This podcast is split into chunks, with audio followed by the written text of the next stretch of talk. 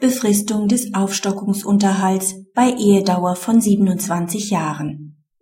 Liegen ehebedingte Nachteile vor, ist bei einer Ehedauer von 27 Jahren eine Befristung des Aufstockungsunterhalts vor Ablauf von 10 Jahren nicht geboten.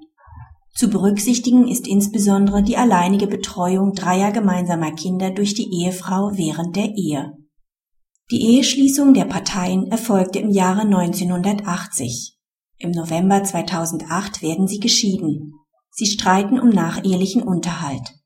Die Ehefrau betreute die 1981, 1982 und 1985 geborenen gemeinsamen Kinder der Beteiligten während der Ehe alleine. Einen Beruf hat sie nach Abschluss der Hauptschule 1976 nicht erlernt. Während der Ehe arbeitete sie als geringfügig Beschäftigte. Gegenwärtig ist sie in einer Dreiviertelstelle beschäftigt und geht einer Nebentätigkeit nach. Der Ehemann, der ebenfalls keinen Beruf erlernt hat, arbeitet seit 27 Jahren bei derselben Firma im Tiefbau. Er ist seit 2007 arbeitsunfähig erkrankt, von 2007 bis Januar 2009 bezog er Krankengeld.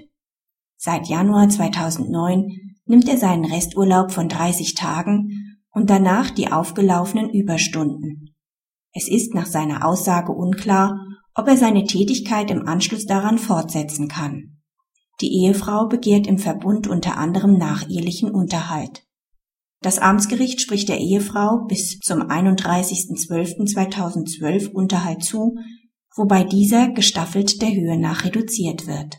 Auf die Berufung der Ehefrau spricht das Oberlandesgericht der Ehefrau ungestaffelten Unterhalt bis einschließlich 30.11.2018 zu. Es ist zu beachten, dass die Ehefrau während der Ehe alleine für die Betreuung der Kinder zuständig war. Die Ehe währte immerhin 27 Jahre.